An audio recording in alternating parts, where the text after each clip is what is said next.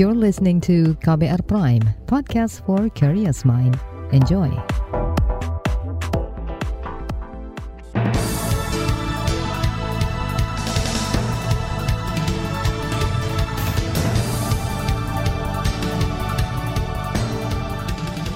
Selamat pagi saudara, sedang sekali kami bisa menjumpai Anda kembali melalui program Buletin Pagi edisi Senin 11 April 2022 bersama saya Naomi Liandra. Sejumlah informasi pilihan telah kami siapkan di antaranya Menko Polhukam larang aparat bawa peluru tajam saat amankan aksi mahasiswa. Presiden instruksikan jajaran segera bahas anggaran pemilu. Pemda Jateng percepat vaksinasi dengan jemput bola. Inilah Buletin Pagi selengkapnya terbaru di Buletin Pagi. Menteri Politik, Hukum, dan Keamanan Menko Polhukam Mahfud MD meminta aparat keamanan tidak menggunakan kekerasan dan senjata api saat menghadapi unjuk rasa mahasiswa hari ini.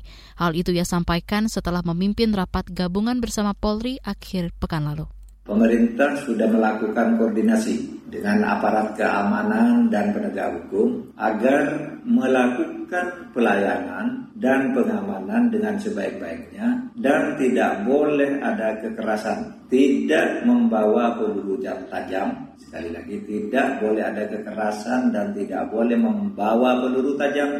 Dan jangan sampai terpancing oleh provokasi yang ingin terjadi jatuhnya korban. Mahfud mengatakan unjuk rasa yang digelar ribuan mahasiswa di depan Istana Merdeka tidak akan dilarang. Pasalnya hal itu bagian dari demokrasi yang dilindungi undang-undang.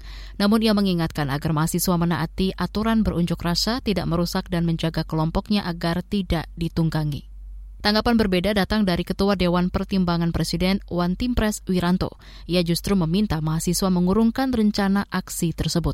Menurutnya apa yang menjadi aspirasi mahasiswa telah diakomodir pemerintah dan tengah dicarikan solusi agar semua permasalahan terselesaikan. Kita tidak, demo kan tidak dilarang, saya pun tidak pernah melarang demo. Tetapi tatkala kita menyampaikan bahwa kalau kita berdemonstrasi tentang sesuatu yang tidak mungkin terjadi dan sudah dijawab bahwa yang menjadi tuntutan itu tidak mungkin terjadi, untuk apa demo kan Lebih lanjut, Wiranto meminta mahasiswa untuk menyampaikan aspirasi dengan berdiskusi atau duduk bersama dibanding meneriakkan masukan dari jalanan. Menanggapi arahan Menko Polhukam untuk mengawal aksi mahasiswa, Polda Metro Jaya mengatakan telah mempersiapkan sistem pengamanan di sekitar Istana Negara. Juri bicara Polda Metro Jaya, Endra Zulpan, mengatakan siap mengawal jalani aksi unjuk rasa tanpa kekerasan. Kata dia, kepolisian belum menerima surat pemberitahuan kegiatan demo tersebut.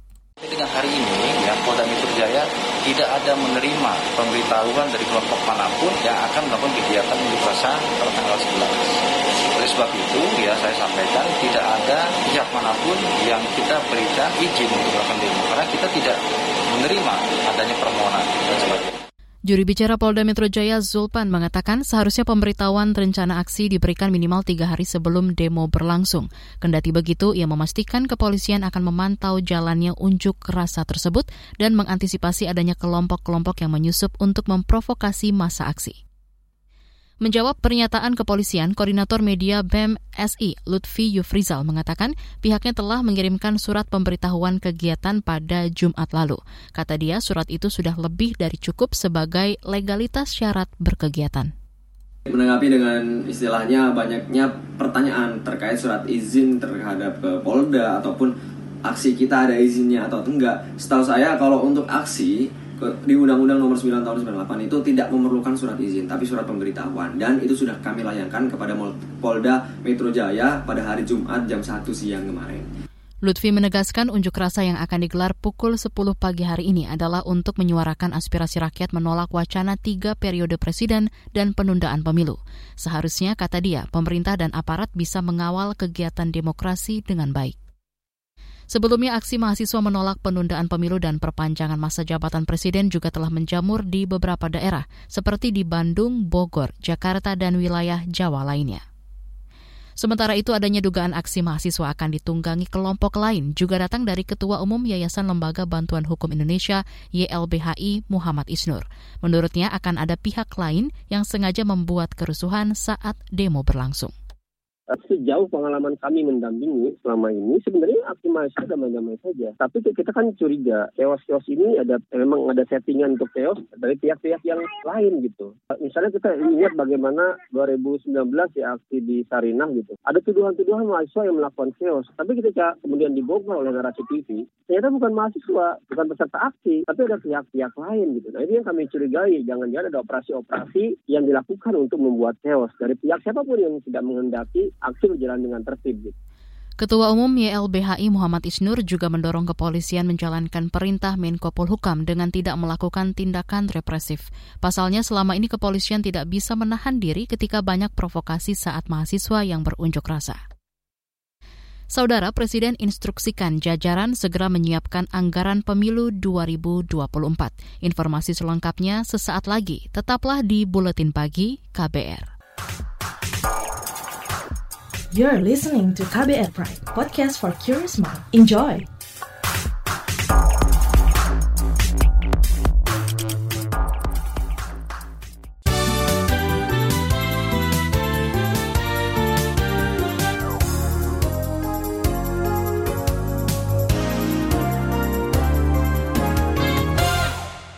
Anda sedang mendengarkan buletin pagi KBR.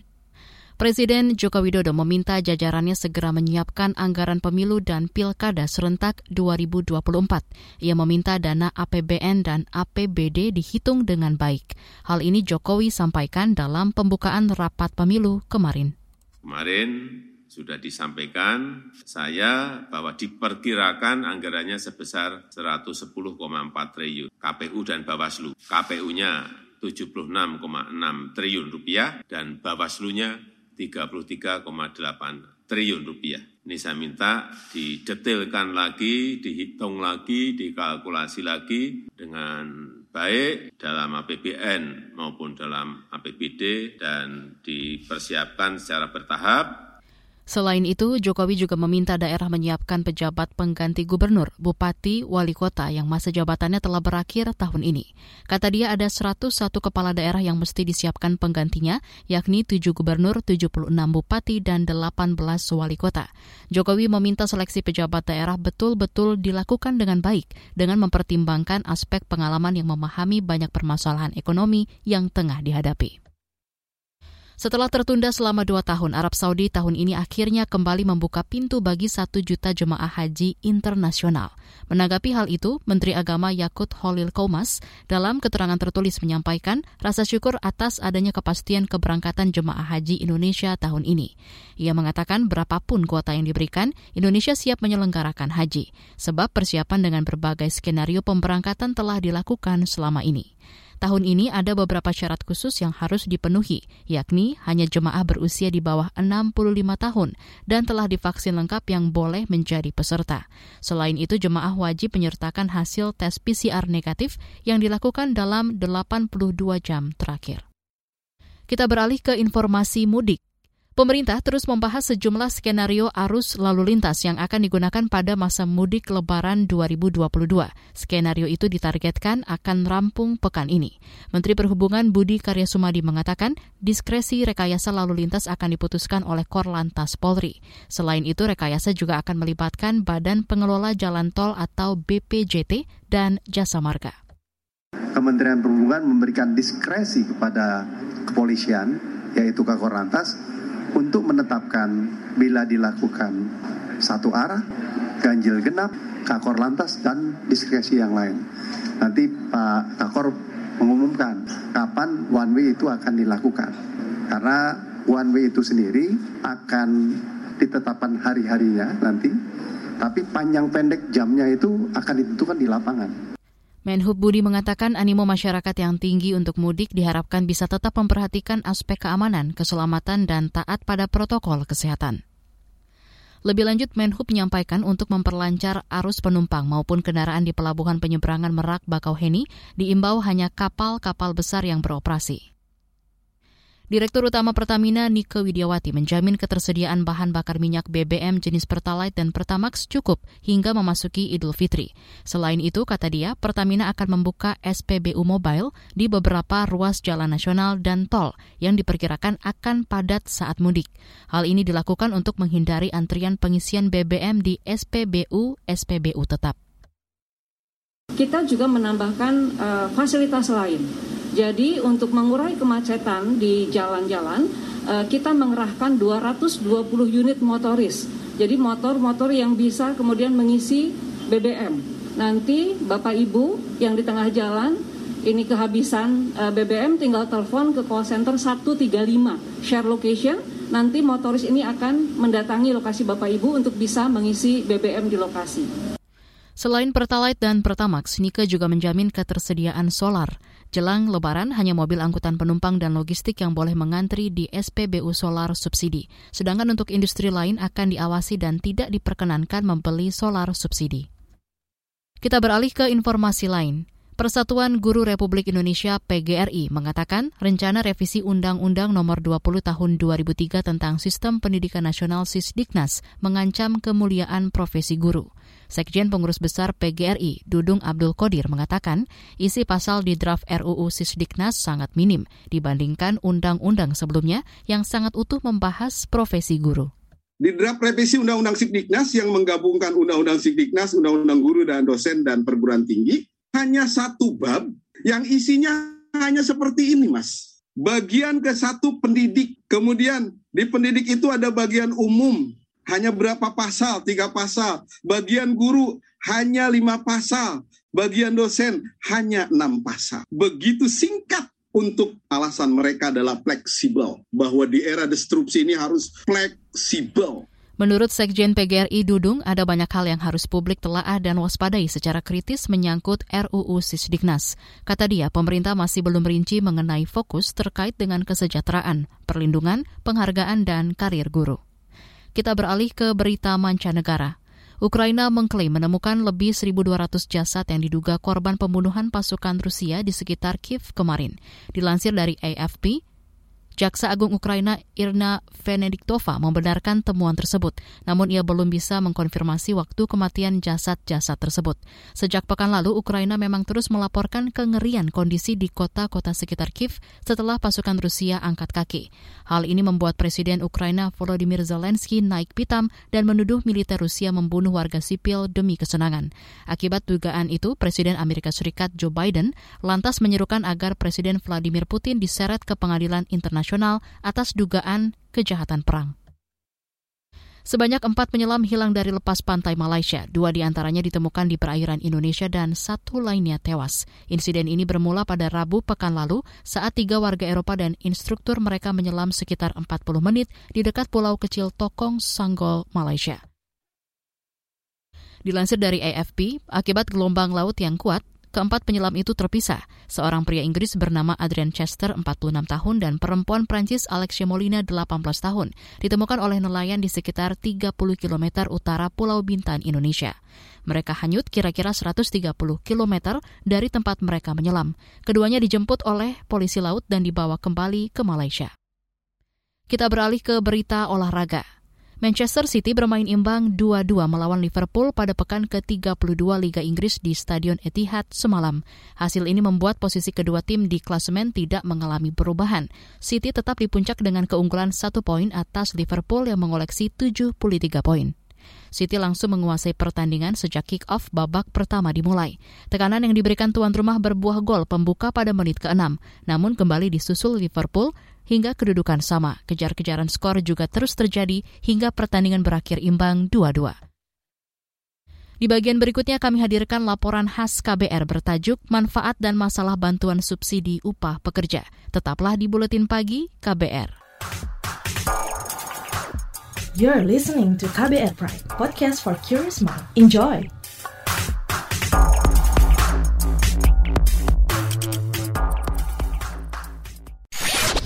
Commercial break. Commercial break. Anda sering gelisah, tidak bisa tidur nyenyak, selalu merasa ada yang merasuki pikiran Anda.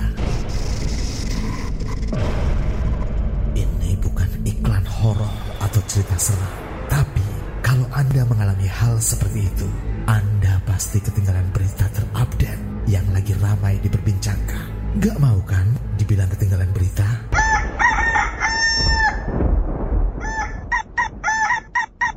Makanya dengerin KBR Pagi, siaran pagi radio paling update menghadirkan narasumber yang terpercaya dan kredibel. Banyak lagu-lagu dari zaman old sampai zaman now. Setiap hari Senin sampai dengan Jumat mulai pukul 7 sampai 8 waktu Indonesia Barat. Bisa didengerin dari Aceh hingga Papua. Cukup satu jam saja untuk membuat kamu tetap update.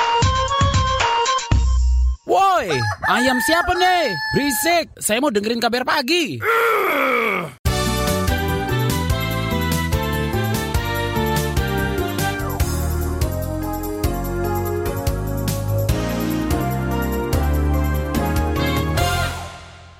Anda masih bersama kami di Buletin Pagi KBR. Pemerintah bakal kembali menyalurkan bantuan subsidi upah atau BSU untuk para pekerja. Pekerja menerima bantuan adalah mereka yang penghasilannya paling tinggi 3,5 juta rupiah per bulan. Ada manfaat dan masalah pada bantuan ini. Berikut laporan khas KBR yang disusun jurnalis Siti Sadida dibacakan Fitri Anggreni. Menjelang Hari Raya Lebaran tahun ini, pemerintah menjanjikan akan kembali menyalurkan bantuan subsidi upah kepada para pekerja.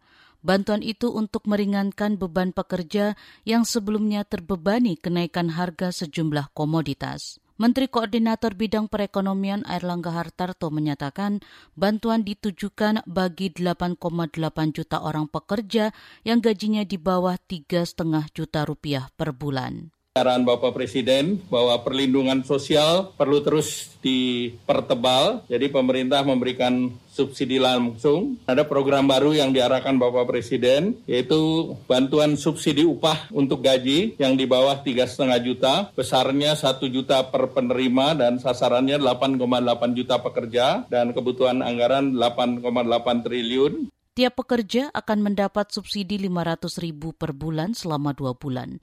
Dengan demikian, tiap pekerja yang masuk daftar penerima akan mendapat bantuan 1 juta rupiah. Sekretaris Jenderal Kementerian Ketenagakerjaan Anwar Sanusi mengatakan daftar pekerja penerima subsidi upah adalah peserta BPJS Ketenagakerjaan yang masuk data penerima subsidi tahun lalu. Namun pemerintah tetap akan melakukan pemeriksaan silang agar tidak ada bantuan ganda. Kita kan sudah memiliki data yang kan sama, ini kan tahun 2021, ini kita bisa cross check kembali, tentunya dengan misalnya kita lakukan screening ulang, terutama kan kalau tahun yang lalu, ini kan filternya tiga, satu filter terkait dengan penerima kartu prakerja, kemudian yang kedua penerima program bantuan pemerintah usaha mikro, bantuan produktif usaha BPUM ya, kemudian yang ketiga PKH. Nah untuk eh, kartu prakerja ini kan dinamis ya, artinya kadangkala kan bulan ini saya nggak memperoleh, tapi ternyata ternyata bulan depan saya memperoleh. Nah, seperti ini kan berarti kalau yang sudah memperoleh, berarti kan ini akan menjadi data yang akan menjadi filter. Berarti dia tidak akan memperoleh yang namanya PSU ini. Nah, inilah berangkat dari itu kami segera komunikasi dengan instansi terkait untuk mendapatkan data yang akan kita gunakan untuk memadankan. Namun syarat itu belum cukup. Pemerintah juga mensyaratkan pekerja penerima subsidi upah adalah pekerja yang berada di wilayah dengan status PPKM level 3 dan 4. Penerima subsidi dibatasi mereka yang bekerja di sektor tertentu seperti industri barang konsumsi, transportasi, aneka industri, properti, dan real estate, perdagangan dan jasa, kecuali bidang pendidikan dan kesehatan. Ekonom dari Fakultas Bisnis Ekonomi UII Eko Atmaji menilai bantuan subsidi upah itu akan berdampak positif karena akan meningkatkan daya beli masyarakat. Dari sisi ekonomi sendiri dengan adanya subsidi memang baik ya, sangat baik itu akan menambah daya beli para pekerja yang di bawah tiga setengah juta. Ini berarti level rendah di perusahaan atau di kantor itu sangat-sangat membantu. Apalagi ini sebenarnya Indonesia sedang rebound ya. Artinya setelah kita ekonominya itu negatif ya pada tahun 2020, 2021 sudah mulai meningkat dan 2022 itu ada optimisme yang uh, tinggi kalau kita itu akan kembali ke uh, jalur yang benar benar itu artinya sekitar lima persenan gitu ya. Nah itu menjadi satu optimisme. Meski begitu, Serikat Buruh mengkritisi skema dan persyaratan penerima BSU dari pemerintah. Presiden Partai Buruh sekaligus Presiden Konfederasi Serikat Pekerja Indonesia Indonesia KSPI Said Iqbal menilai pemberian BSU untuk masyarakat diskriminatif karena tidak menjangkau semua pekerja, padahal pekerja lain juga layak menerima bantuan. Kami persoalkan adalah skema dan kepesertaan yang menerima BSU. Secara skema, kami tidak setuju hanya peserta BPJS Ketenagakerjaan atau BPJS yang mendapatkan BSU. Sedangkan yang bukan peserta BPJS Ketenagakerjaan tidak mendapatkan BSU. Ini adalah berarti diskriminasi. Pekerja yang tidak mendapatkan BSU karena dia bukan anggota BPJS Ketenagakerjaan bukan salahnya, tapi salah pemerintah, pengusaha yang tidak mendaftarkan pekerjanya. Oleh karena itu, BSU harus diberikan kepada seluruh pekerja, baik yang anggota BPJS Ketenagakerjaan maupun yang bukan anggota BPJS Ketenagakerjaan. Nilai BSU juga untuk 8,8 juta orang adalah sangat kecil. Akan terjadi persoalan di tingkat horizontal. Konflik horizontal akan muncul. Oleh karena itu, BSU sebaiknya diberikan kepada pekerja yang tidak hanya berupah di bawah 3,5 juta rupiah, tapi diberikan kepada pekerja yang menerima upah minimum di masing-masing wilayahnya ketika dia terjadi PHK. Laporan ini disusun Siti Sadida. Saya Fitri Anggreni. Informasi dari berbagai daerah akan hadir usai jeda. Tetaplah bersama Buletin Pagi KBR. You're listening to KBR Pride, podcast for curious mind. Enjoy!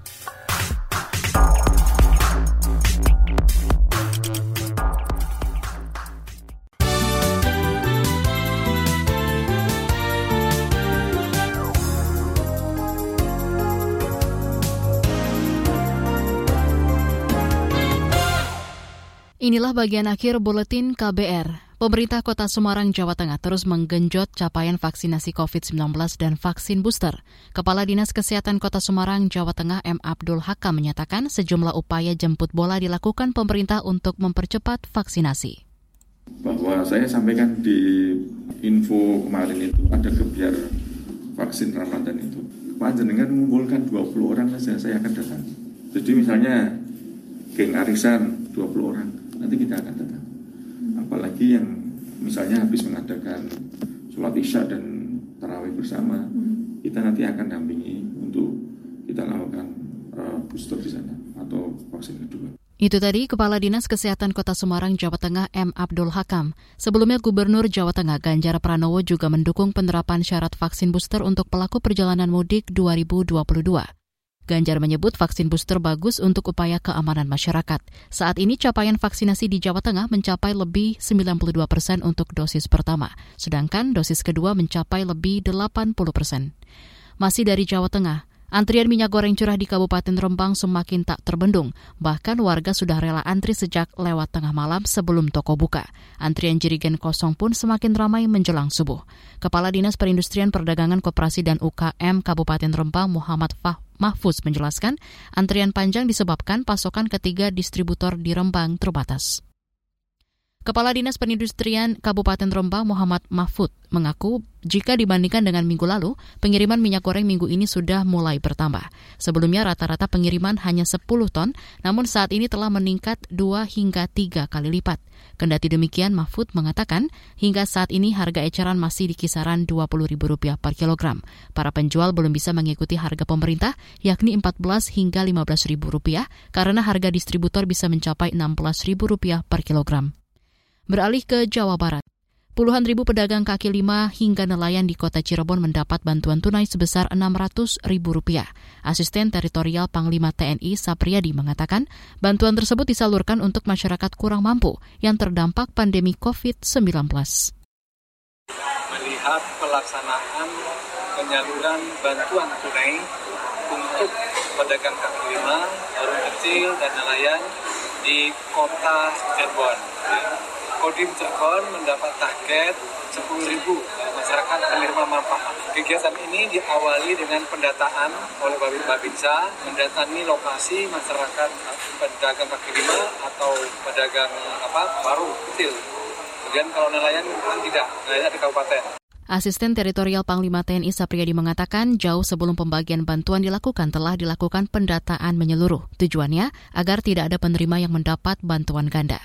Adapun syarat yang harus dibawa saat mengambil bantuan adalah fotokopi KTP, kartu keluarga dan foto tempat bergadang atau perahu untuk melaut. Informasi tadi menutup jumpa kita di Buletin Pagi hari ini. Pantau juga informasi terbaru melalui kabar baru situs kbr.id, Twitter kami di akun @beritaKBR serta podcast di alamat kbrprime.id. Akhirnya saya Naomi Liandra bersama tim yang bertugas undur diri. Salam.